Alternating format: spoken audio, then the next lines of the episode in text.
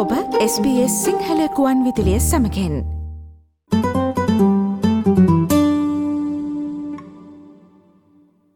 මේ උත්සව සමයට අපි කවුරුත් බොහෝ විට ඔස්ට්‍රේලියාවේ ජීවත් වන පුද්ගලයන් හැටියට මේ වයින් පානය කරන්නට පෙළඹෙනවා. ඒ වගේම මේ වයින් තෑගි දෙන්නට පෙළඹෙනවා.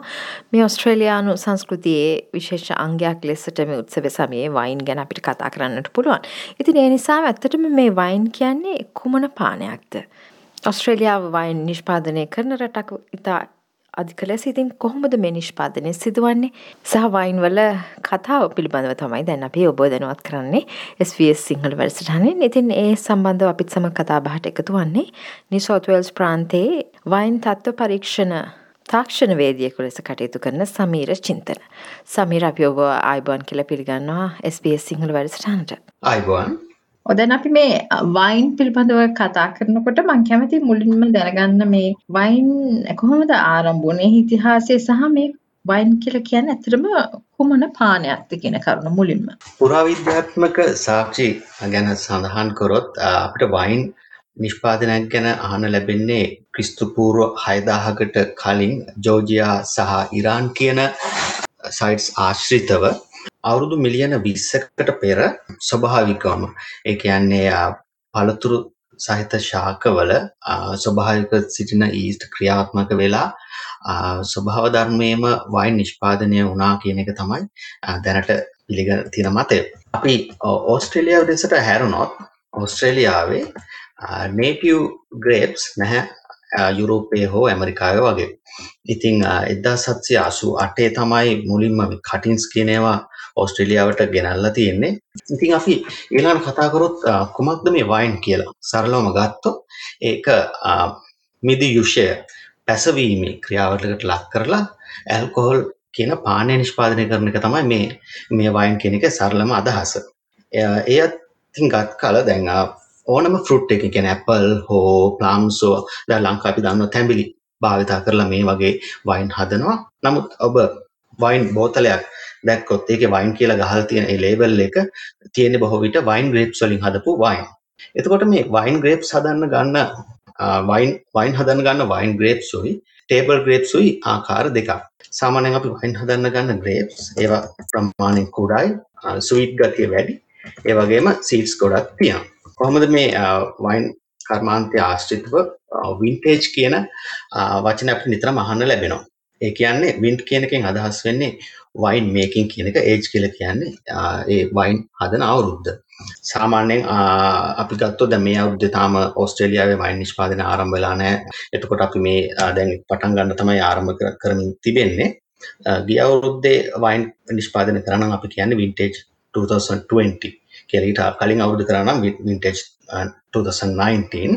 ඒ වගේම අපි ලේබලයක් දැක්කොත් NV කියලා. ඒ කියන්නේ non vintage කියලා ලේබල් එක ඒ කියන්නේ ඒ වයින් එක හදලා තියෙන්නේ අවුරුදු කීපයක වයින් මිශ්‍ර කරලා.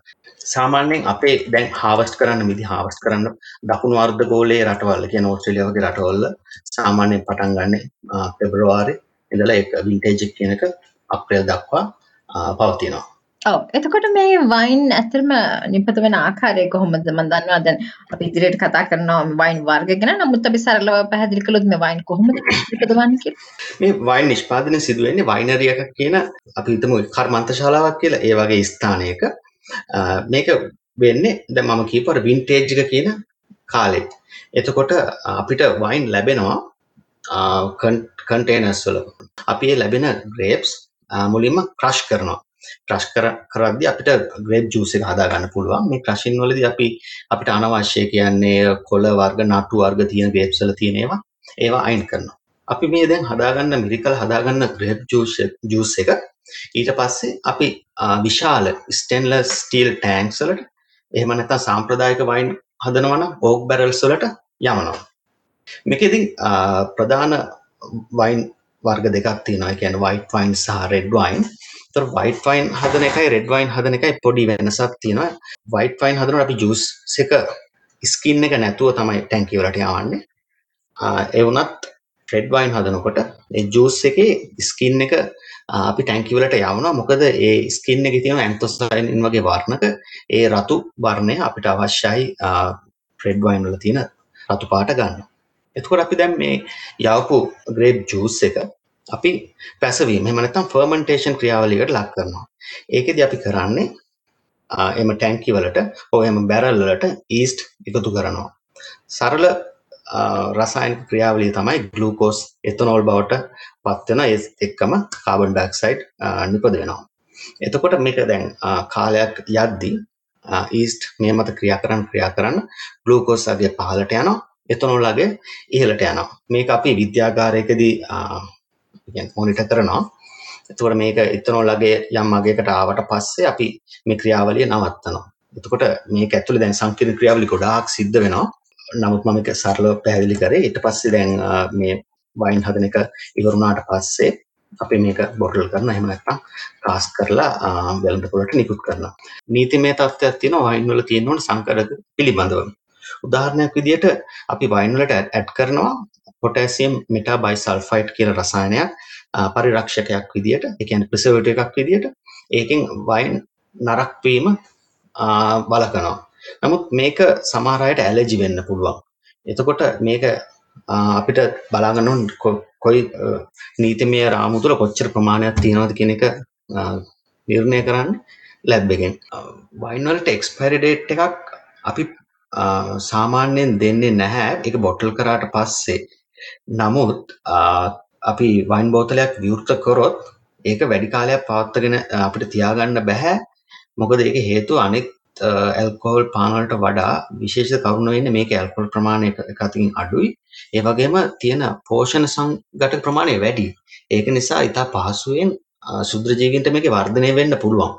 අපි වයින් බෝතලයක් එළිය තියලා කාලයක් තියලා අපි ඒක පාවිච්චි කරන්න ගත්තොත් අපිට තේරෙන එකේ රසයේ වෙනසක්. එහෙම නැත්නම් ඒක විනාකිරි බවට පත් වෙන්න පුළුවන් මේ ශුද්‍ර ජීවීන් නිසා. ඉතින් ගොඩක් මම දැන් වයින් මේකර්ස්ලාගෙන් අහපුවම ඒගොල්ලන් කියන්නේ ගොඩක් වෙලාවට වයින් බෝතලයක් ඕපන් කරනවා නම් ඒක වහලා ඉවරලා ෆ්‍රිජ් එකේ තියලා සතියක් ඇතුළත වගේ පාවිච්චි කරන්න කියලා. ඔව්. එතකොට දැන් මේ වයින් වර්ග මොනවද? ඔව් වයින් වර්ග කරන ආකාර කීපයක් තියෙනවා. අපි ඒක සරල ආකාරයක් තමයි වයින් වර්ග කරනවා ආකාර පහකට. එකක් වයින් එකක් රෙඩ් වයින්, අපි දන්නවා වයිට් වයින්, රොසේ වයින්, ස්පාර්ක්ලින් වයින් සහ uh, ෆෝටිෆයිඩ් වයින් එහෙම නැත්නම් ඩිසර්ට් වයින් කියලා කියනවා.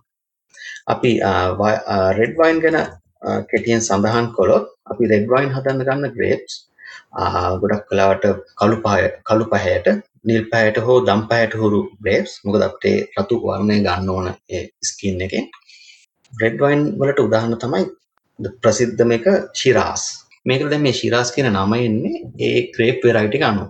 ආ, අපි ඊට පස්සේ කතා කරොත් වයිට් වයින් වයිට් වයින් හදන්න ආ, ගන්නේ ප්‍රධාන වශයෙන්ම ග්‍රීන් කලර් තියෙන ස්කින් එක. එතකොට ඒවට උදාහරණ තමයි චාඩනේ සොමිනොන් බ්ලොන්ක් පීනොට් ගෝජියෝ රයිස්ලින් ඒ වගේ වයිට් වයින් තුන්වෙනි එක රොසේ වයින් රොසේ වයින් වල අපි දන්න පැහැ රෝස පාට ඒක ආ- හදන ආකාර කීපයක් තියෙනවා ආ, එක ආකාරයක් තමයි මෙම ර- අපි හදාගත්ත රතු වයින් සහ වයිට් වයින් ඒ දෙක මිශ්‍ර කරලා අපිට මේ වගේ රෝස පැහැයක් හදාගන්න පුළුවන් එතකොට අ, හතරවෙනි එක ස්පාර්ක්ලින් වයින් එහෙම නැත්නම් අපි සමහරවිට භාවිත කරනවා ෂැම්පේන් කියන එක. මේකත් ආ- හදන්න පුළුවන් ආකාර අ, කීපයක් තියෙනවා. අපි මේකේ දකින විශේෂතම දේ තමයි මේකෙදී අ, වයින් වලට කාබන් ඩයොක්සයිඩ් අධික පීඩනයක් යටතේ අ, තමයි මේක බොටල් කරලා තියෙන්නේ. ෆිසි ඒ වගේම බබල්ස් එන අ, වයින් එක තමයි මේ ස්පාර්ක්ලින් වයින් කියලා කියන්නේ. මේක හදන්නත් සාමාන්‍යයෙන් අපි පාවි- අපි දැන් කතා කරපු රෙඩ් වයිට් එහෙම නැත්නම් රොසේ වයින් ඒ ස්- සමානම වයින් එකක් යොදා ගන්න පුළුවන් විශේෂිත වෙනස තමයි ඒකට විශේෂයෙන් ඇඩ් කරලා තියෙනවා කාබන් ඩයොක්සයිඩ්. උතර අපි දැන් අන්තිමට කතා කරන ඩිසර්ට් වයින් එක එහෙම නැත්නම් ෆෝටිෆයිඩ් වයින් එක ඒකට එහෙම නම එන්න ප්‍රධාන හේතුව තමයි ගොඩක් වෙලාවට ඩිසර්ට් එකක් විදිහට තමයි යූස් කරන්නේ. මේකේ ඇල්කොහොල් ප්‍රතිශතය සාමාන්‍යයෙන් අ, 17ත් 20ත් අතර ප්‍රමාණයක් වෙනවා. ඒකට හේතුව තමයි මේ ෆෝටිෆයිඩ් වයින්ස් වලට ගොඩක් වෙලාවට ඇල්කොහොල් ස්පීඩ් එක එහෙම නැත්නම් බ්‍රැන්ඩි වගේ දේවල් එකතු කරනවා. එතකොට අවසාන වශයෙන් මම කැමතියි ඔබෙන් අ, කෙටියෙන් දැනගන්න දැන් මේ අපි මහිතනේ විවිධ ආහාර වර්ගවලට ගැලපෙන වයින් තිබෙනවා යම්කිසි කලාවක් තමයි ඇයක් නේද ඒ ආ. සම්බන්ධවත් ඔබේ අදහස්මක් ඇති දැනගන්න ආ, මේකට විශේෂිතව වෙනම සංස්කෘතියක් තියෙනවා. මේකෙදි අපි කතා කරනවා ෆුඩ් ඇන්ඩ් වයින් මැචින් එහෙම නැත්නම් ෆුඩ් ඇන්ඩ් වයින් පෙයාරින් කියන එක. අපි වයින් බෝතලයක් මිලදී ගත්තොත් ඒකේ ලේබල් එකේ බොහෝ වෙලාවට දැන් සඳහන් වෙනවා මොන වගේ ආහාර වර්ගද මේ වයින් එකත් එක්ක යන්නේ. ආ, චාඩනේ කියන වයිට් වයින් එක ඒක ප්‍රසිද්ධ වයිට් එකක්. ඒකට ඕනෑම any toasted nut ආ, එකක් පාවිච්චි කරන්න පුළුවන්. ඒ වගේම season chicken, turkey breast, Atlantic salmon, oyster අපි කතා කරමු ආ, කෙටියෙන් රෙඩ් වයින්ස් වර්ග සහ ඒවට අ, ගැලපෙන ආහාර වර්ග. ආ, ශිරාස් අ, ද- අ, වැඩියෙන්ම මම හිතන්නේ පාවිච්චි කරන වයින් වර්ගයක් රෙඩ් වයින් එකක්. ඒකට ආ, අපි චෙඩා වගේ cheese, hazel nuts, ball nuts වගේ නට්ස් වර්ග එතකොට සීෆූඩ් ගත්තොත් ග්‍රිල් ටූනා ග්‍රිල් කරපු සැමන් වෙජිටබල් ගත්තොත් රිච් රිච් බීටස් ඒ වගේම කොෆී වලින් හදපු ඩිසට් පවා මේකට හොඳ පයා වෙනවා කියලා තමයි කියන්නේ. නිවසත් වේල්සි වයින් තත්ව පරීක්ෂණ තාක්ෂණ වේදියෙකු ලෙස කටයුතු කරන සමීර චින්තන අපි ඔබට බැවින්ම ස්තුතිවන්ත වෙන SBS සිංහල වැඩසටහනත් සමග කතාවාට එකතුවීම පිළිබඳව. බොහොම ස්තුතියි